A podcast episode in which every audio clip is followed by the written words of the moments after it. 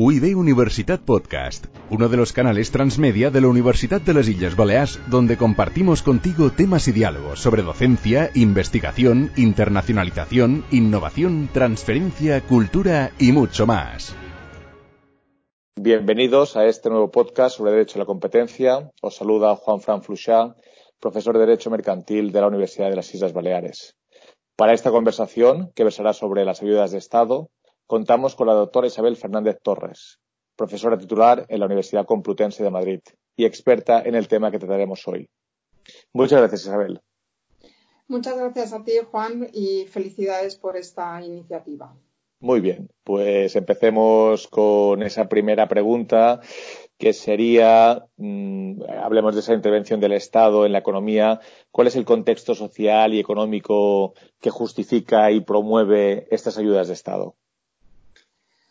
Bien, yo creo que es importante situar un poco ese marco para entender eh, qué se permite, qué no se va a permitir dentro de eh, lo que son las ayudas de Estado. Es decir, que el Estado puede intervenir en la economía es un hecho y además eh, está constitucionalmente reconocido. Por un lado, tenemos que tener en cuenta que el artículo 38 de la Constitución reconoce la libertad de empresa y el artículo 128 eh, reconoce la posibilidad de que sea el Estado quien intervenga. De alguna manera, lo que se hace también en, en los preceptos constitucionales es reconocer no solo la libertad de empresas, sino encomendar a los poderes públicos su garantía y protección y admitiendo al mismo tiempo esa posibilidad de que sea el Estado mismo el que intervenga en la economía. Esa intervención en la economía puede ser de distintos tipos, directa o indirecta. ¿Cuándo interviene directamente el Estado? Bueno, pues el, Estado actúa eh, o interviene directamente cuando actúa en el mercado como un operador económico más, prestando bienes y servicios. Pero también interviene de forma indirecta. ¿Cómo? Bueno, pues eh, en ocasiones lo hace mediante la adopción de decisiones de fomento de objetivos de interés público y en ocasiones lo hace a través de la regulación general de la actividad económica. Bien, el problema es que algunas de esas actuaciones pueden llevar aparejadas ciertas ventajas competitivas que pueden alterar el funcionamiento de los mercados y su eficiencia.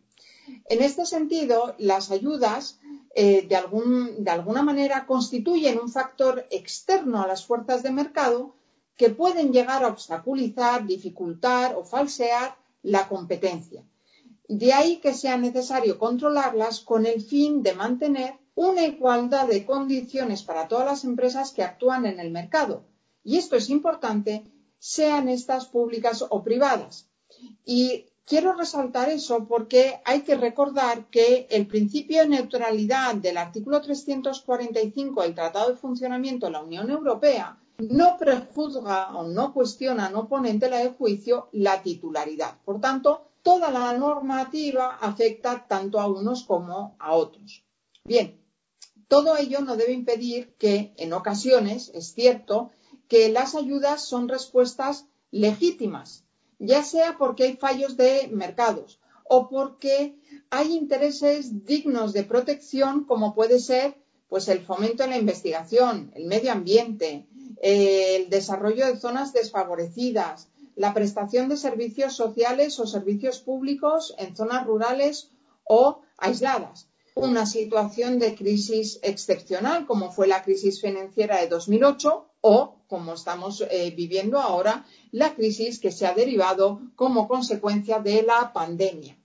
Por eso es necesario hacer un análisis de cada supuesto de los efectos positivos y negativos, de tal manera que si esas intervenciones lesionan la competencia de manera injustificada y desproporcionada en relación con ese objetivo que persiguen, pues no van a eh, o se van a considerar ilícitas. Y a la inversa, hay ciertas ayudas que pueden interesar y que, por lo tanto, se entiende que no causan un grave perjuicio a los intereses, no hay interferencia con el sistema y, por lo tanto, se van a autorizar. Perfecto. Vistos estos efectos, te preguntaría qué son o cuál es el concepto de esas ayudas de Estado y en lo normativo dónde se regulan tanto en el derecho europeo como en nuestro derecho nacional. Bien, yo creo que en materia de, ayudas eh, de Estado resulta especialmente importante eh, poner el, foco o la atención en el derecho europeo. No hay una definición legal de, ayuda de Estado a nivel eh, nacional. Por eso tenemos que recurrir, es tan importante recurrir a lo que se establece en los artículos 107, 108, 109 del Tratado de Funcionamiento de la Unión Europea.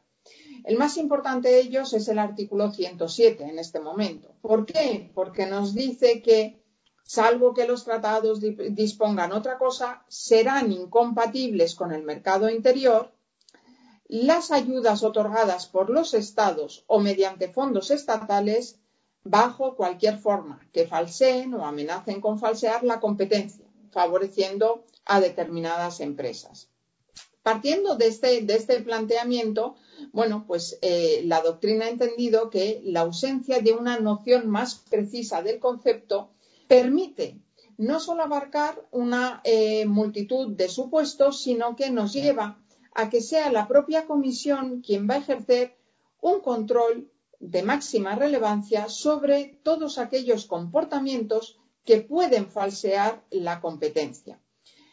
Es decir, en materia de ayudas de Estado, la jurisprudencia y la práctica decisoria de la Comisión resultan especialmente relevantes, no solo con vistas a establecer una definición, sino también para intentar deducir principios, criterios o fórmulas de carácter general aplicables en la materia. Se trata, en definitiva, de un concepto muy amplio, que va mucho más allá de una mera subvención y que Así lo ha entendido eh, toda esa jurisprudencia y esas decisiones de la Comisión. Comprende cualquier tipo de asistencia o intervención que produzca los mismos efectos o similares a los de los subsidios. En este sentido, ya lo definió así, hay una sentencia que es especialmente relevante en esta materia del año 1961 eh, que se llama, es complicado de pronunciar este nombre, Steen Collen Mijenen. El concepto de ayuda, dice, es más general que el de subvención y comprende prestaciones positivas como las subvenciones, pero también otras que lo que hacen es aliviar las cargas, cargas que recaen normalmente en el presupuesto de una empresa y que por eso se dice que tienen los mismos efectos o la naturaleza que eh, las subvenciones a las que sí se refiere ese artículo 107. Eh, de esta manera, y partiendo de esa noción que digo, no tenemos una definición concreta o exacta, sino que son ese artículo 107 y esa definición de una sentencia del año 1961 las que nos dan las pistas para determinar cuándo estamos frente a una ayuda. Pero sí que tenemos que entender por, intentar aclarar un poquito el concepto, que em, lo importante, lo más relevante es destacar que lo que tiene que producirse es una ventaja efectiva que se le otorga a un determinado sujeto. Y así eso puede producirse ya sea mediante aportaciones de capital en condiciones de mercado, eh, digamos, ventajosas o em, cuando se atribuyen ayudas o eh, también en ventajas de cualquier tipo que no siguen ese llamado principio del inversor privado. Por lo tanto, hay una multitud de supuestos que encajarían bajo esta eh, concepción, digamos, tan amplia que se hace de las ayudas de Estado. Muy bien. Ante esa amplitud eh, conceptual y casuística, ¿cuáles son los elementos de este concepto? Bien, pues la lectura de un conjunto de decisiones y de esa jurisprudencia y partiendo de ese artículo 107 del Tratado de Funcionamiento de la Unión Europea, podemos destacar tres elementos fundamentales y luego me voy a referir a otros dos que algún sector de la doctrina los ha asociado o los ha considerado elementos fundamentales del concepto, pero que yo entiendo que responden a otra idea que yo eh, luego voy a explicar. Bien, los tres elementos fundamentales del concepto, en mi opinión, son ventaja o beneficio para quien la recibe. Es decir, la ventaja debe ser cualquier ayuda económica que en circunstancias normales no recibiría o no realizaría, perdón, un inversor privado. Es decir, una ayuda que eh, o una aportación que no sigue la lógica de mercado pura y dura. En segundo lugar, serían ayudas concedidas por el Estado o mediante recursos estatales públicos. ¿Qué quiere decir esto? Bueno, en primer lugar, que se exige que la ventaja concedida provenga directa o indirectamente de recursos estatales. Y en segundo lugar, que sea imputable al Estado. Es decir, esto nos lleva a mm, entender que eh, la noción de fondos estatales comprende los fondos procedentes de los presupuestos mm, centrales o de organismos o instituciones territoriales de los Estados miembros. Y cuando decimos fondos estatales tenemos que pensar en todos los recursos financieros, bienes, derechos, ventajas sobre los que los poderes públicos pueden ejercer una potestad. Es decir, podemos encontrar préstamos que concedan, garantías, me da igual. Cualquier fórmula puede tener eh, prácticamente aquí cabida. Y por Estado o autoridades nacionales tienen que entenderse cualesquiera entidades públicas en los distintos eh, niveles, en los diferentes estados, según cuál sea la configuración en cada uno eh, de ellos. Es decir, de alguna manera lo que hace es identificarlo con una noción más general de poder autoridad pública. Y el tercer elemento sería el de eh, favorecer a una empresa o un sector. Esto es lo que, en otros términos, en la jurisprudencia se ha calificado como carácter selectivo de la ayuda. Es decir, eh, el Tribunal de Justicia eh, ha venido a sostener que una medida es general cuando beneficia a cualquier empresa, sector o región de un Estado miembro, siempre que el Estado no se reserve, digamos, poderes discrecionales para supeditar la aplicación de la ayuda eh, y hacer que, en definitiva, esa ayuda acabe siendo selectiva, es decir, que vaya dirigida a unos sujetos concretos y no tenga o pierda ese carácter general. Pues bien, estas son las tres o los tres elementos eh, principales, pero junto a esos tres elementos, en ocasiones, la doctrina ha añadido otros dos la distorsión de la competencia como efecto de esa ayuda y la afectación al comercio, a las relaciones entre los Estados miembros. Bien, yo entiendo que eso no son elementos del concepto de ayuda propiamente dicho, sino que eh, a lo que se refieren son a los efectos que esas ayudas eh, producen y que por lo tanto no tienen cabida eh, en esa noción ante ese mercado que hay que preservar y que, y de que debe mantener un equilibrio, háblanos del principio general de prohibición y de sus excepciones. Muy bien, pues mira, a ver, el, eh, el punto, digamos, de partida después de esta definición tan general y tan, tan amplia y la determinación de esos principios o de esos elementos eh, que hemos considerado como fundamentales de la definición, la normativa o las reglas que eh, existen en el ámbito de las ayudas de Estado parten de un principio general de eh, prohibición eh, que se tiene que combinar con dos grandes núcleos, digamos, de excepciones. Es decir, existen, por un lado, lo que se califican como ayudas lícitas o pelegis. ¿Qué quiere decir esto? Pues son ayudas que son compatibles automáticamente, solo se necesita que se notifiquen, notificarlas, y que el papel de la comisión en estos casos se limita a comprobar que se cumplen los presupuestos que se prevén en la norma.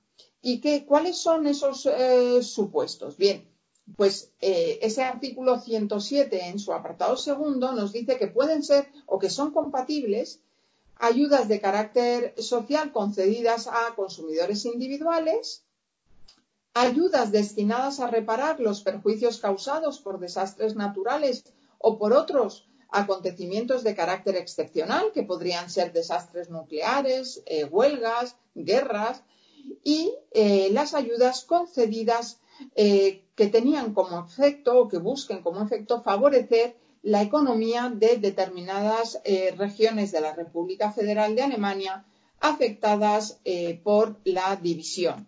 Bien, esto eh, tenía su lógica en su momento, en el sentido de que, evidentemente, eh, Alemania tuvo que hacer eh, frente a esa reunificación y que, por lo tanto, tuvo que asumir unos gastos importantes derivados de la puesta en marcha de pues, esos procesos de unificación, pues ya fueran vías ferroviarias, carreteras, eh, intentar conseguir que ciertas regiones más desfavorecidas eh, pudieran eh, alcanzar los niveles del resto de la Unión Europea, etcétera, etcétera. Bien, junto a este tipo de supuestos, estas ayudas lícitas o pelegis, y que sí que quiero insistir en, que son, compatibles automáticamente, pero al mismo tiempo, cuidado, porque se trata de un conjunto de supuestos que son medidas eh, extraordinarias y que en consecuencia tienen que interpretarse de forma restrictiva. Bien, existe junto a este otro segundo núcleo que son ayudas que pueden ser declaradas compatibles. Ya mm, eso nos da un indicio de hacia mm, dónde vamos o cómo tenemos que considerar estas ayudas. Estas ayudas solo son lícitas en la medida que son autorizadas por la Comisión. Ello significa que todas estas ayudas a las que ahora me voy eh, a, referir tienen que ser previamente comunicadas a la Comisión y aprobadas antes de su ejecución o puesta eh, en marcha. Bien, eh, ¿qué tipo de ayudas pueden considerarse compatibles con el mercado interior?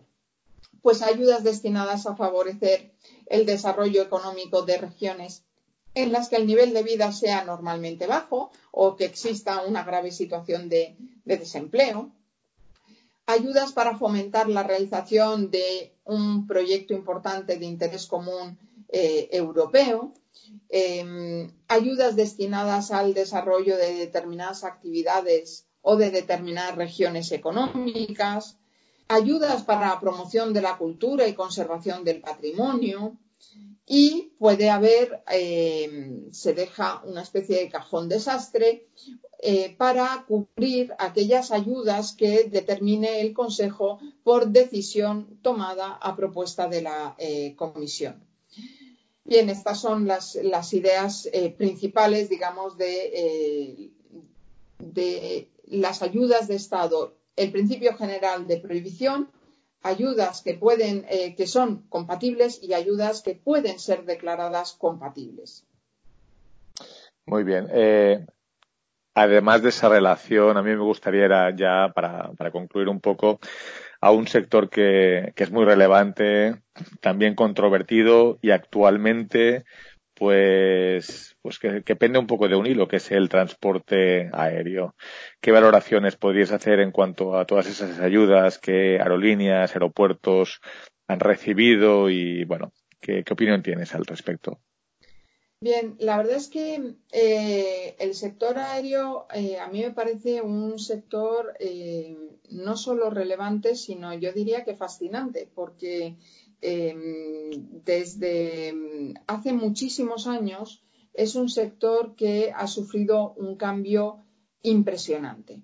Impresionante porque no debemos olvidar em, que es un sector que se abrió a la libre competencia y que eh, al abrirse a la, libre competencia eh, ha tenido o ha llevado aparejado como correlato eh, la imposición de una disciplina muy importante en relación con la concesión de ayudas de Estado. Es decir, oiga usted, usted es un sujeto que opera en el mercado, es un mercado libre y por lo tanto no se puede falsear con ayudas, porque es un sector que evidentemente em, eh, bueno, se le concedió muchísimas ayudas en, el pasado. Es decir, es un sector que ha estado sumergido en un proceso de transformación enorme. Y no solo por su liberalización, sino porque su apertura ha llevado a una competencia enorme entre compañías. Recordemos que, bueno, pues eh, ha surgido en, eh, hace no tanto tiempo, han surgido las compañías aéreas low cost que han traído como bueno, principal o uno de los principales beneficios al margen del empleo que todo el mundo pudiera viajar a unos precios asequibles y que eso es un fomento evidentemente de la competencia, pero al mismo tiempo eh, esa competencia ha generado esa liberalización y esa competencia entre compañías eh, ha incentivado la competencia entre aeropuertos, especialmente entre los que llamamos aeropuertos secundarios o regionales. Lo cual ha venido a demostrar que la falta de competencia entre aeropuertos en el pasado no era sino la consecuencia de la falta de competencia entre aerolíneas, de tal manera que mediante acuerdos bilaterales las compañías se repartían los mercados. Bien. Esta competencia eh, creciente ha llevado a incrementar la intervención pública en el sector. Eh, ¿Cómo? Pues por un lado concediendo financiación a los aeropuertos eh, para favorecer en, ocasiones esa cohesión económica y social y el desarrollo de las regiones, de esos aeropuertos o donde había aeropuertos, digamos, muy subexplotados. ¿Cuál es el problema? Que es que los aeropuertos que tienen un volumen escaso de eh, pasajeros, pues tienen problemas para alcanzar un determinado umbral de rentabilidad que les permita sobrevivir. Y además, bueno, pues es difícil pensar que eh, ciertos operadores eh, aéreos vayan a asumir el riesgo de abrir rutas o de instalarse en aeropuertos que son o que no son conocidos y que no han demostrado su potencial. Y ahí es donde han entrado especialmente eh, en juego las compañías de bajo coste porque son las que en muchos casos se han visto tentadas para eh, a negociar subvenciones de los poderes eh, públicos, ya fuera directamente o eh, a través de los poderes de los gestores aeroportuarios. Pongo un ejemplo. Ryanair ha sido una compañía extremadamente criticada. uno de los casos más importantes de Ryanair en esta materia fue la decisión en relación con eh, el aeropuerto Charleroi, donde pues, eh, bueno, pues la decisión de la comisión reflejaba que evidentemente se había beneficiado eh, Ryanair de las ayudas dadas por los gobiernos belgas para que se mantuviese en esa región. Y ahí se han dado todo un abanico enorme de prácticas comerciales implementadas entre aeropuertos y compañías aéreas, contratos de publicidad, pagos por los aeropuertos o por las autoridades de incentivos, ayudas a la comercialización. Un sinfín de eh, decisiones eh, de la Comisión podemos encontrar en ese, en ese ámbito.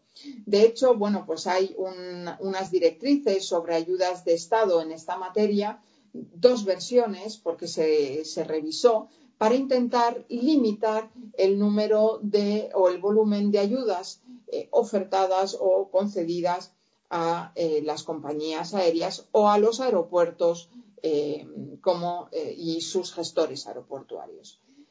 Y en este momento, pues nos encontramos viviendo una fase que va a ser, pues cuando podamos pensar que la crisis derivada de esta pandemia pase, vamos a, vivir un momento de enorme cambio también en este sector, porque evidentemente todos sabemos que como consecuencia de esta pandemia, pues eh, el turismo y las compañías aéreas se han visto terriblemente afectadas. Y, ya llevamos, digamos, unos meses en los que se han producido movimientos de enorme eh, interés. Por un lado, como ejemplo, la compañía aérea Alitalia se encontraba en el mes de noviembre pasado inmersa en un proceso de eh, reestructuración. Y en ese proceso de reestructuración que finalmente eh, fracasó, el gobierno italiano le prestó 400 millones eh, de euros. A estas alturas ya y las noticias eh, nos han llevado a que el gobierno italiano haya nacionalizado en este mes de marzo de 2020 la compañía Alitalia, de tal manera que esos 400 millones del préstamo concedido el pasado mes de noviembre se han sumado 600 millones de eh, rescate, porque se entiende que mantener una empresa nacional de transporte aéreo es estratégico para el país, algo que resulta eh, eh, absolutamente contrario a las ideas que hemos barajado siempre o que hemos estudiado en el ámbito de las ayudas de Estado. Es decir, esto de las empresas nacionales y de los campeones nacionales y un volumen de ayudas de esos importes, pues eh, resulta contrario a los planteamientos de las ayudas de Estado a los que me he referido antes. Por otro lado, Noruega también ha rescatado aerolíneas del, país, Norwegian, SAS y Widerøe. Y la situación es tal, es tan crítica en este momento, que el 19 de marzo la Comisión Europea ha emitido una comunicación por la que se establece un marco temporal que permitirá eh, autorizar con mayor flexibilidad y rapidez la concesión de ayudas de Estado destinadas a respaldar la economía en el contexto del brote, dice, COVID-19. Dicho marco temporal se basa en lo que establece el artículo 107 del Tratado de Funcionamiento de la Unión Europea, permite autorizar ayudas destinadas a poner remedio a una grave perturbación. Esa comunicación de la Comisión contempla la posibilidad de autorizar cinco tipos de ayudas a empresas que no estuviesen ya en situación de dificultad con anterioridad al 31 de eh, diciembre de 2019. Es decir, tengamos, eh, prestemos atención a ese dato, 31 de diciembre como la crisis ya se veía venir, eh, el plazo se ha retrotraído a esa fecha del 31 de diciembre de 2019. Y habla de subvenciones directas, de garantías estatales, de préstamos públicos, de, eh, además especifica que la ayuda, bueno, pues eh, no podrá exceder de 800.000 euros por empresa. Em, de alguna manera, esta comunicación Em, o en esta comunicación la Comisión expone que los Estados miembros también pueden compensar a otras empresas que se han visto afectadas por este brote, en, lo que entra también, pues, eh, por ejemplo, las cancelaciones derivadas del Mobile World Congress de Barcelona, etcétera, etcétera.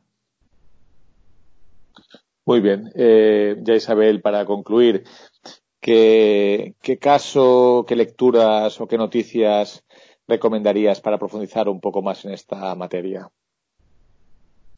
Bueno, yo em, el derecho a la competencia y en materia de, ayudas de Estado es extremadamente eh, casuístico.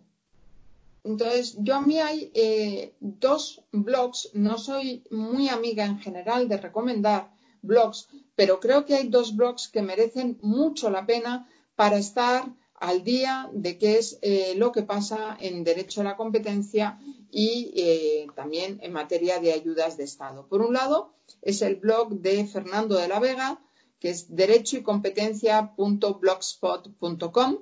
es un blog extraordinario y completísimo con información también de eh, autoridades nacionales de competencia, no solo europeas, sino también norteamericana, etc.